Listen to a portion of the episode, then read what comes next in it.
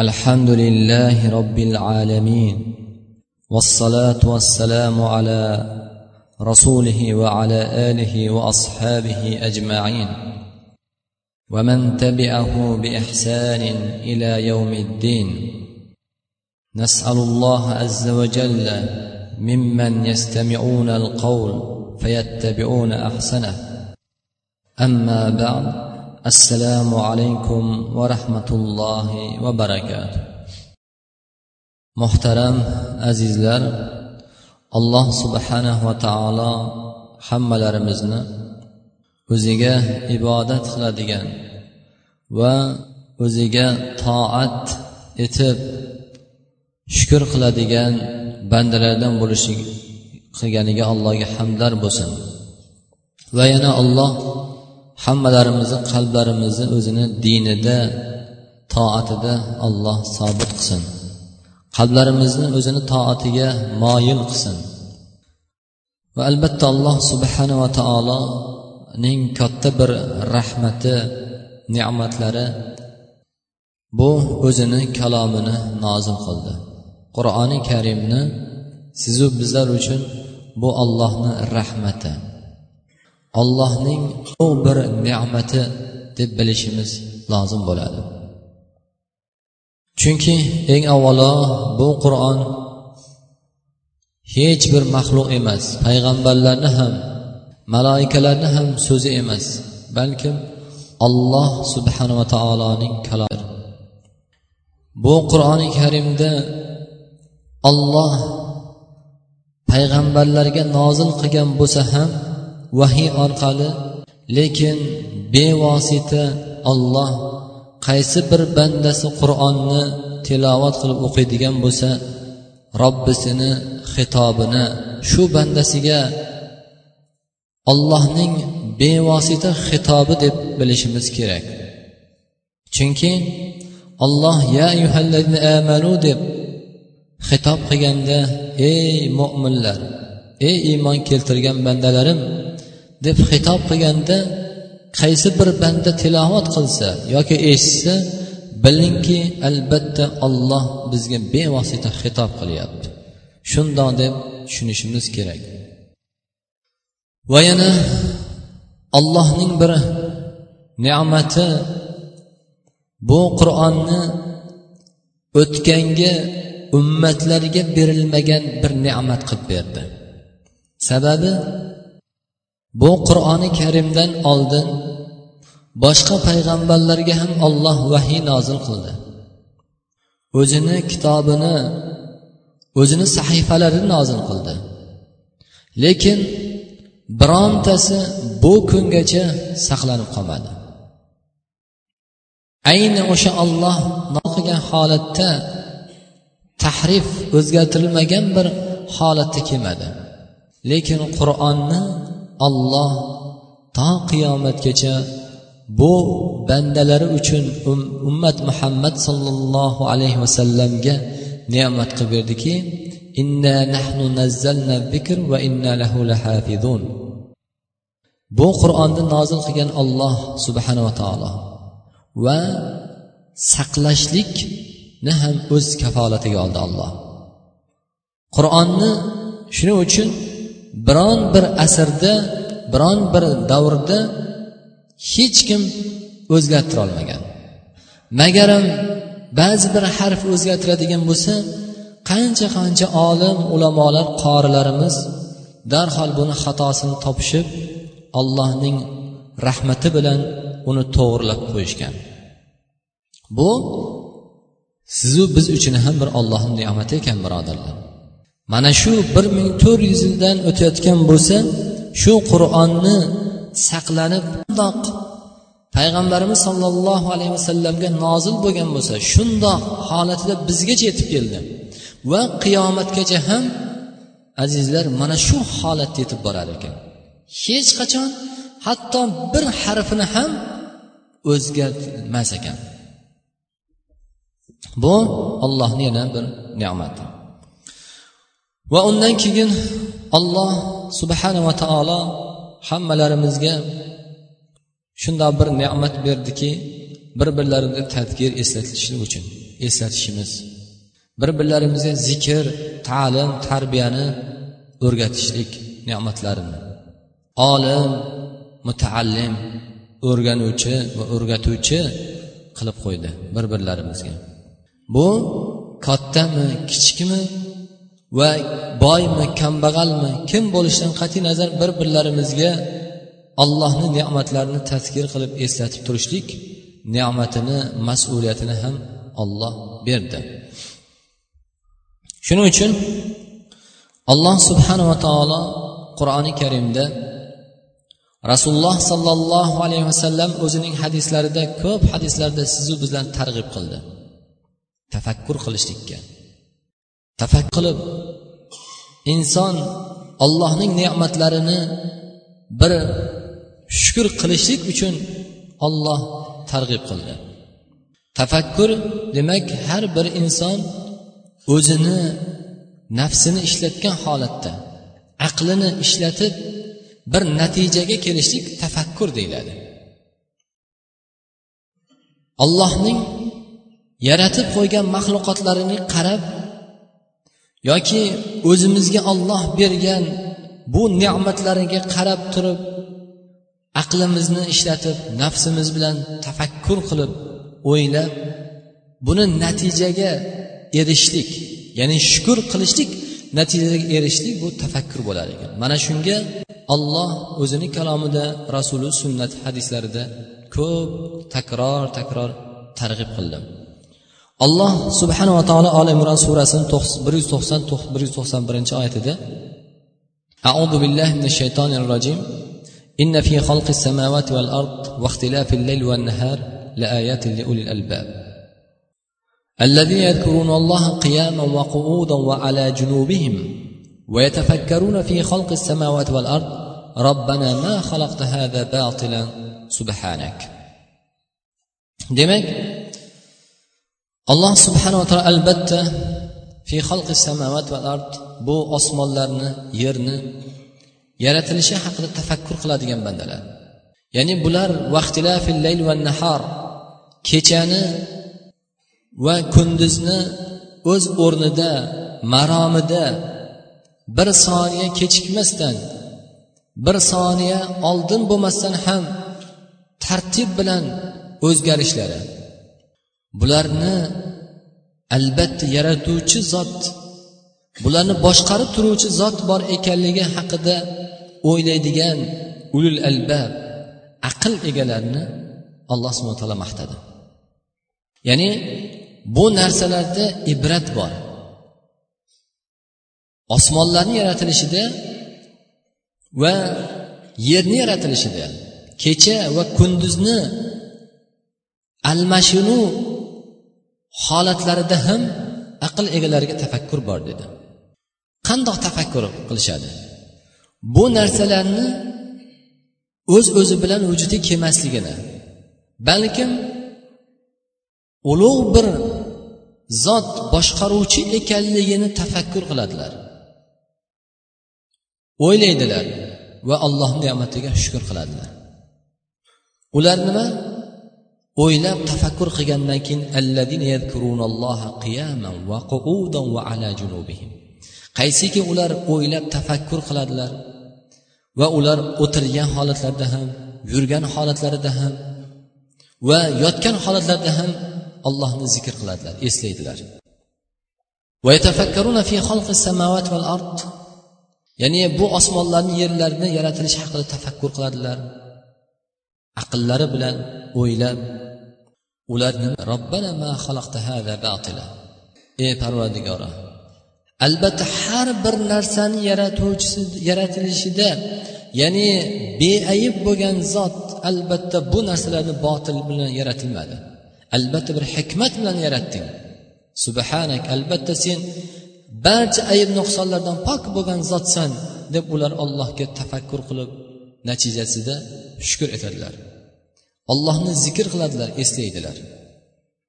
Bu azizlar alloh subhanava taoloning kalomida targ'ib qilib bizlarni tafakkur qilishligi eslashlikka targ'ib bo'lishligi iymonimizni ziyoda bo'lishiga sabab ekan birodarlar.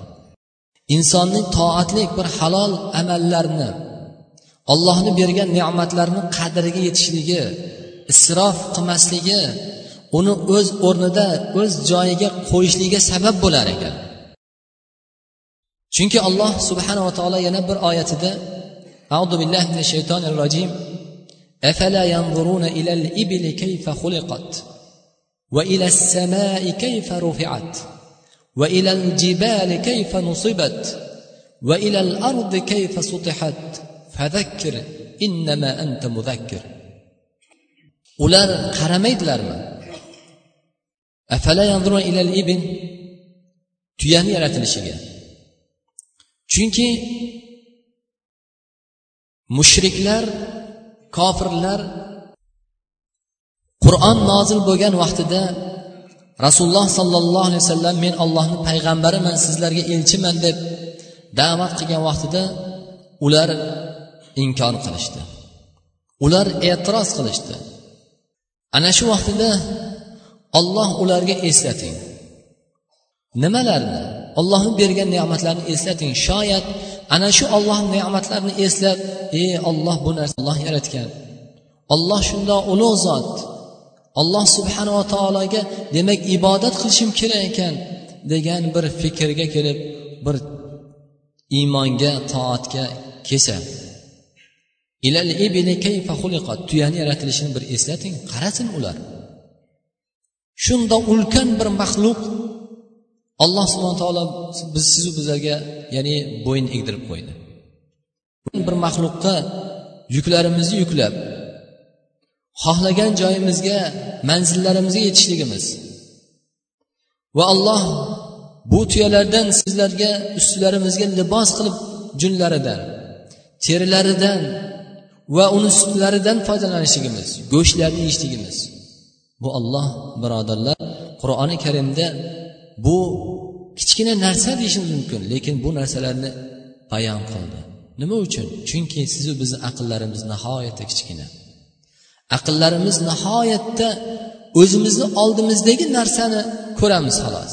Shuning uchun olloh qur'onning bir latif bir ishorasi qarangki ulamolarimiz aytgan ekan nima uchun alloh subhanava taolo birinchi o'rinda tuyani zikr qildi?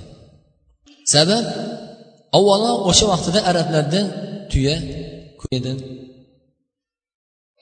va inson birinchi ko'radigan narsasi ro'parasidagi narsani ko'radi. Yerdagi osmondagi narsalarni emas birinchi ro'parasidagi ko'zini ro'parasidagi narsani ko'radi. Shuning uchun ham olloh birinchi o'rinda tuyaga doim insonni turganda ko'zi tushadigan ollohning maxluqlaridan bo'lgan bu tuyaga qarashligini va tafakkur qilishligini. Olloh bu narsani ne'mat qilib yaratganligini alloh subhana taolo ya'ni buyurdi. Va osmonga qarang. Ya'ni ustunsiz biron bir narsasiz olloh ko'tarib qo'ydi tepamizga. Na biron yerda ustuni bor na biror narsa ko'tarib turgan bilamiz olloh bu narsani beg'ayri amadin tarunaha ya'ni sizlar ko'rgan bu narsani ustunsiz biron bir narsasi olloh ko'tarib qo'ydi. Bu ne'matiga ham qaranglar. Va ilal jibali kayfa nusibat? Va olloh tog'larni ko'tarib qo'ydi. Tog'larni alloh subhanava taolo qandoq tikka qilib ularni o'rnashtirib qo'ydi. Qarangki agar biz bir tog'ni ozgina joyini olamiz deydigan bo'lsak yillab qancha qancha mashaqqat eng taraqqiyot davrida yashayapmiz desak ham lekin bir tog'ni ozgina joyini ko'chirish uchun ham qancha mashaqqat chekamiz? Lekin bu narsani ko'tarib o'rnashtirib zot kim? Bu olloh subhanaa taolo. Ollohni qudrati. Va va yerni qandoq tekis qilib qo'ydi. Sizu bizlar hosil olishligimiz uchun yurishligimiz uchun tekis qilib agar yo'llarimiz tepa past bo'lib tog'u tosh bo'ladigan bo'lsa juda ko'p mashaqqat chekardik. Bugungi kundagi bu sayyor mashinalarimiz yurayotgan bu texnikalar bu narsani juda ko'p mashaqqatli bo'lardi. Lekin bularni hammasi nima? Va ilal ardi kayfa sutihat. Tekis qilib ekinga ham yurishga ham alloh subhana tekis qilib qo'ydi.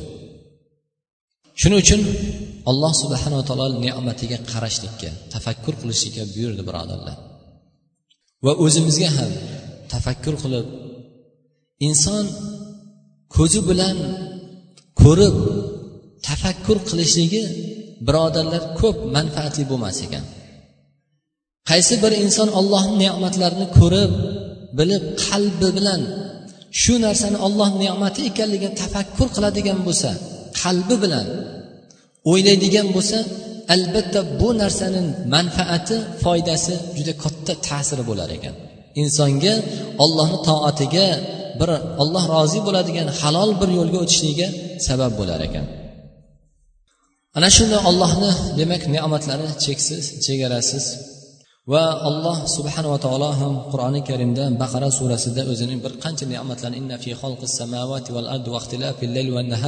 ila oxir aya demak ushbu oyatida olloh o'zini ne'matlarini bir qancha ne'matlarni sanab o'tdi.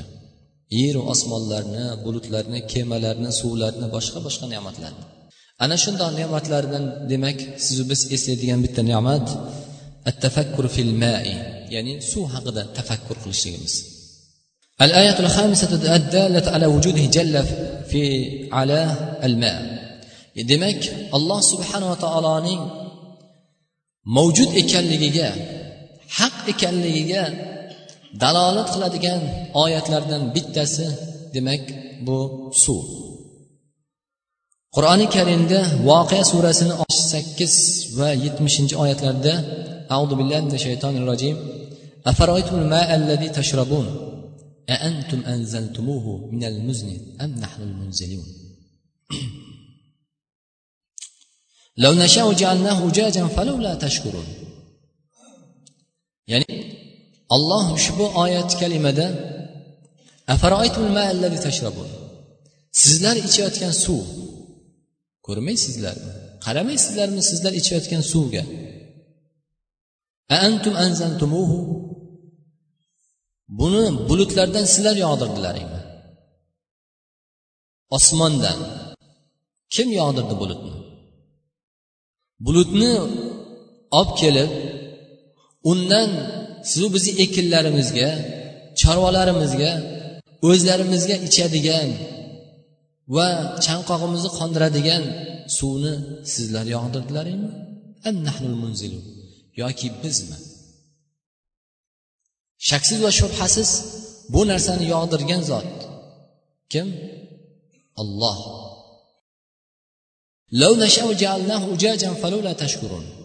agar biz xohlaganimiz edi bu suvni chuchuk suv ya'ni sho'r qilib qo'yardik. Osmondan yog'ayotgan suv birodarlar. Tafakkur qilaylik. Qishilab bir e'tibor qilaylik. Agar sho'r suv yog'adigan bo'lsa nima bo'ladi? Na ekin bo'ladi. Na hayvonlarimizga na o'zlarimiz bundan foydalanamiz.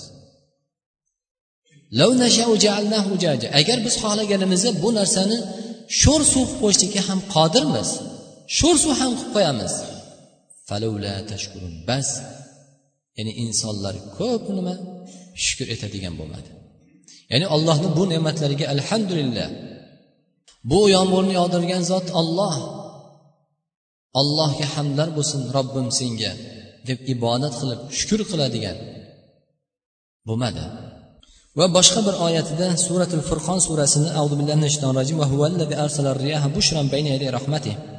وأنزلنا من السماء ماء طهورا لنحيي به بلدة ميتة ونسقيه مما خلقنا الأنعام وأناسيا كثيرا ولقد صرفناه بينهم ليذكروا فأبى أكثر الناس إلا كفورا demak alloh subhanava taolo o'zining rahmati demak yomg'ir ham rahmat hisoblanadi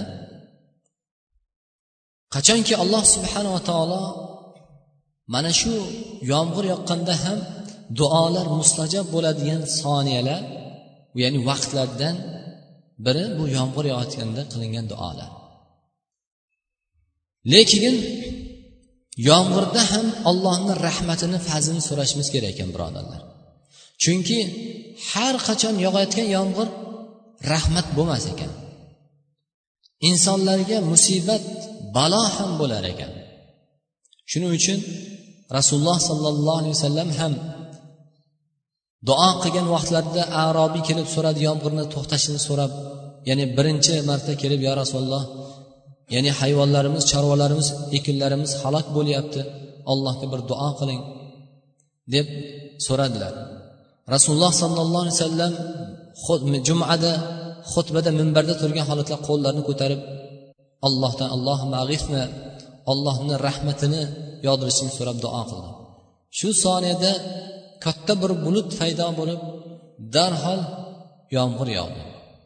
Ya'ni mo'jiza allohning bu payg'ambariga bergan mo'jizasi. Va yana keyin baromi kelib endi yomg'ir hamma yoq yomg'ir yog'ib ekinlar yana halok bo'lishligini bu ekinlarni vayron qilishi yomg'irni ko'p yog'ishligini va allohdan to'xtashni so'rab duo qilishni so'radilar. Shunda rasululloh sollallohu alayhi vasallam bu yomg'irni bizlarga rahmat qilib bergan. Bizlar uchun musibat emas allohni rahmati o'zingni rahmating qilib bergin deb so'radilar. Shuning uchun yomg'ir so'rayotganda yog'ayotganda ham insonlar duo qilishligi va duo qilganda bu allohni rahmati allohni barakoti bo'lib yog'ilishini so'rashimiz kerak ekan. U zot o'zining rahmatini oldin nima shamolni yuborar ekan. Yomg'ir yog'ishdan oldin o'zini xabarchi qilib elchi qilib shamol. Ya'ni bu shamol ham ollohni bir maxluqi. Qarangki shamollar ba'zi bir shamollar yerni changdan g'ubordan tozalab chiroyli qilib ketadigan bo'lsa ba'zi bir shamollar bulutlarni haydab kelar ekan. Ollohni izni bilan. Ba'zi bir shamollar o'sha bulutlarni tarqatib yuborar ekan. Ba'zi bir shamollar allohni izni bilan o'sha hosil bo'lgan bulutlarni siqib suvni ya'ni yomg'irni yog'ishiga xizmat qilar ekan. Kimni izni bilan kimni qudrati bu? Bu ollohni qudrati. Shuning uchun ham alloh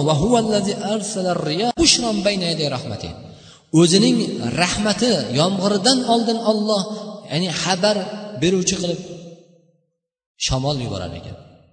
Oddiy o'tgangi jumamizda ham. Qarangki yomg'ir ya'ni shamol kelib chang to'zon hamma ko'zni ochmaydigan katta nima bo'ldi. Lekin orqasidan ularni chiroyli qilib sokin qilib changlarni bosib yuvib ketadigan olloh o'zini rahmati yomg'irni yog'dirdi.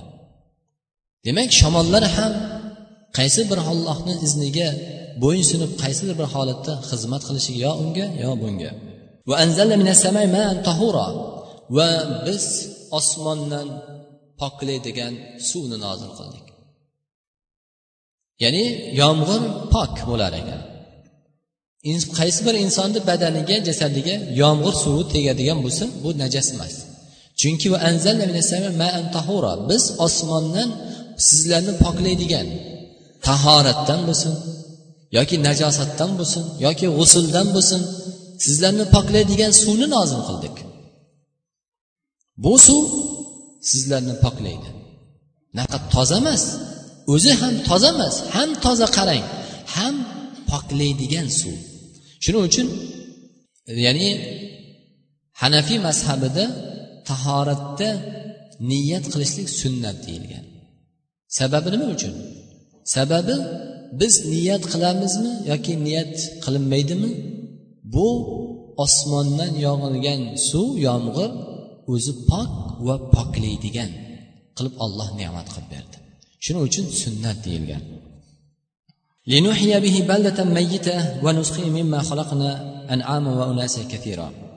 ya'ni buni biz o'lik shaharlarni tiriltiramiz yomg'ir bilan. Ya'ni yomg'ir bilan yomg'ir kelishligi bilan yog'ishligi bilan yerdan chiqib ko'katlar qo'p qo'yotgan masalan hammamiz ko'p ko'rgan televideniyadagi o'sha afrikadagi yuradigan hayvonlarni rizqlarini. O'tlar ko'm ko'k yam yashil hamma hayvonlar chorvalar yuribdi. Yozda ko'rsangiz hammasi qup quruq sahro sarg'ayib yotibdi alanga chiqib yotibdi. Hayvonlarni chanqog'i boshqasi lekin kim qilyapti? Ya'ni shundoq o'lik shaharni. Sarg'ayib qurib yotgan daraxtlarda ham barg yo'q qarangki. Yomg'irni yog'dirib kim? Alloh subhanava taolo yana ko'm ko'k qilib qancha chorvalarga. Ya'ni biz o'zimiz aytgan hayvonlarga va insonlarga nima? Ularni ya'ni biz sug'oramiz. Ularni chanqog'i. Ya'ni ularni tintirishlik chanqog'ini qondirishlik o'simliklarni o'stirib chiqarishlik meva cheva boshqa boshqa ya'ni ekinlarini biz nima yomg'ir bilan qaytadan tiltiramiz ya'ni biz bularni taqsimlab qo'ydik. Alloh subhanava taolo yomg'irni taqsimlab qo'ydik. Qarangki nima uchun? Tafakkur qilish uchun. Olloh har bir joyda qurishligi bilan mevalarni ekinlarni ya'ni suvga ya'ni chanqoq bo'lishlik bilan sug'orib qo'yishlikka qodir bo'lgan zot. Lekin ba'zi bir joylarga ollohni hikmati masalan yomg'ir yog'adi ko'm ko'k turadi ba'zi bir joylar ma'lum bir vaqt yomg'ir yog'ib yana sarg'ayib ya'ni sahro cho'l bo'lib qoladi. Nima uchun? Azizlar shukur qilishlik uchun ekan. Ana shu narsalarni ko'rganda sahroda hech na suv bor na ariq bor na biron bir oqa suv bor. Ko'kargan o't bor. Hech narsa yo'q joyda ko'rgandek alhamdulillah olloh meni shahrimni meni yurtimni meni qishlog'imni shundoq qilmabsan. Alhamdulillah alloh senga hamd bo'lsin shukur qilishlik uchun ekan.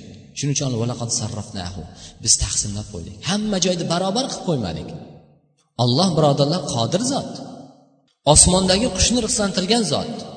Yerdagi hayvonlarni dengizni nechi ming kilometr tubidagi qurt qumursqalarni ham rizqlantirib qo'ygan zot bu narsaga ham qodir. Lekin olloh taqsimlab qo'ydi. Ba'zi bir joylarga yomg'ir yog'adi ba'zi bir joylarga yomg'ir yog'maydi yoki ba'zi bir joylarga ma'lum bir vaqtda yomg'ir yog'adi undan keyin yog'maydi. Olloh mana shuni taqsim qilib qo'ydi. Nima uchun? Sababi sizlar va bizlar shukur qilish uchun. Ollohni demak ana shu suvni ko'rganda demak suvimiz bemalol ishlatayotganimizda azizlar olloh hamdlar bo'lsin senga robbi senga shukur qiladigan bandalaringdan qilgin. Tasavvur qiling agar yozgi kunida bir hafta yuvinmaylikchi g'usul qilmaylikchi yoki ertalab turganingizda yuzimizni tahorat bilan yuvmaylikchi inson qandoq dili ravshan bir tetik yuradi? Yo'q albatta. Demak ollohni ne'mati ekan birodarlar. Mana bu narsani demak biz o'zimiz taqsim qilib qo'ydik. Lekin ko'p odamlar bu narsadan yuz o'girdilar. Bu olloh ne'mati ekanligini bu narsani harom deb isrof boshqa narsalardan ular yuz o'girdilar. Ko'p ularni nima? Kofir bo'ldilar. Shuning uchun azizlar o'tgangi jumamizda ham bir narsani takrorladiki qoida alloh subhanava taolo qur'oni karimda va taavanu alal birri va taqvo va la taavanu alal ithmi val udvan ko'pchilik birodarlarimiz bu bir odam yordam so'rab keldi. Yoki men bu palonchiga yordam qilmoqchiman qandoq bo'ladi bo'ladimi bo'lmaydimi? deb. Shu narsa qoidani bilmog'imiz kerak. Ya'ni alloh subhanahu va taolo qur'oni karimda taqvo ya'ni yaxshilik va taqvo yo'liga bir birlaringga yordam qilinglar. Bunga misol keltirib bir odam agar g'iybat qilib turgan bo'lsa yoki bir odam sizdan sadaqa so'rab gunoh ishga ishlatasiz. Bilasizki shu odam sizdan yordam so'rayapti lekin shuni bersangiz bu odam qimor o'ynaydi yoki arocha yoki bir gunoh ma'siyat harom ishga ishlatadi narsaga. Olloh bu narsadan qaytardi. O'sha odamga qoida.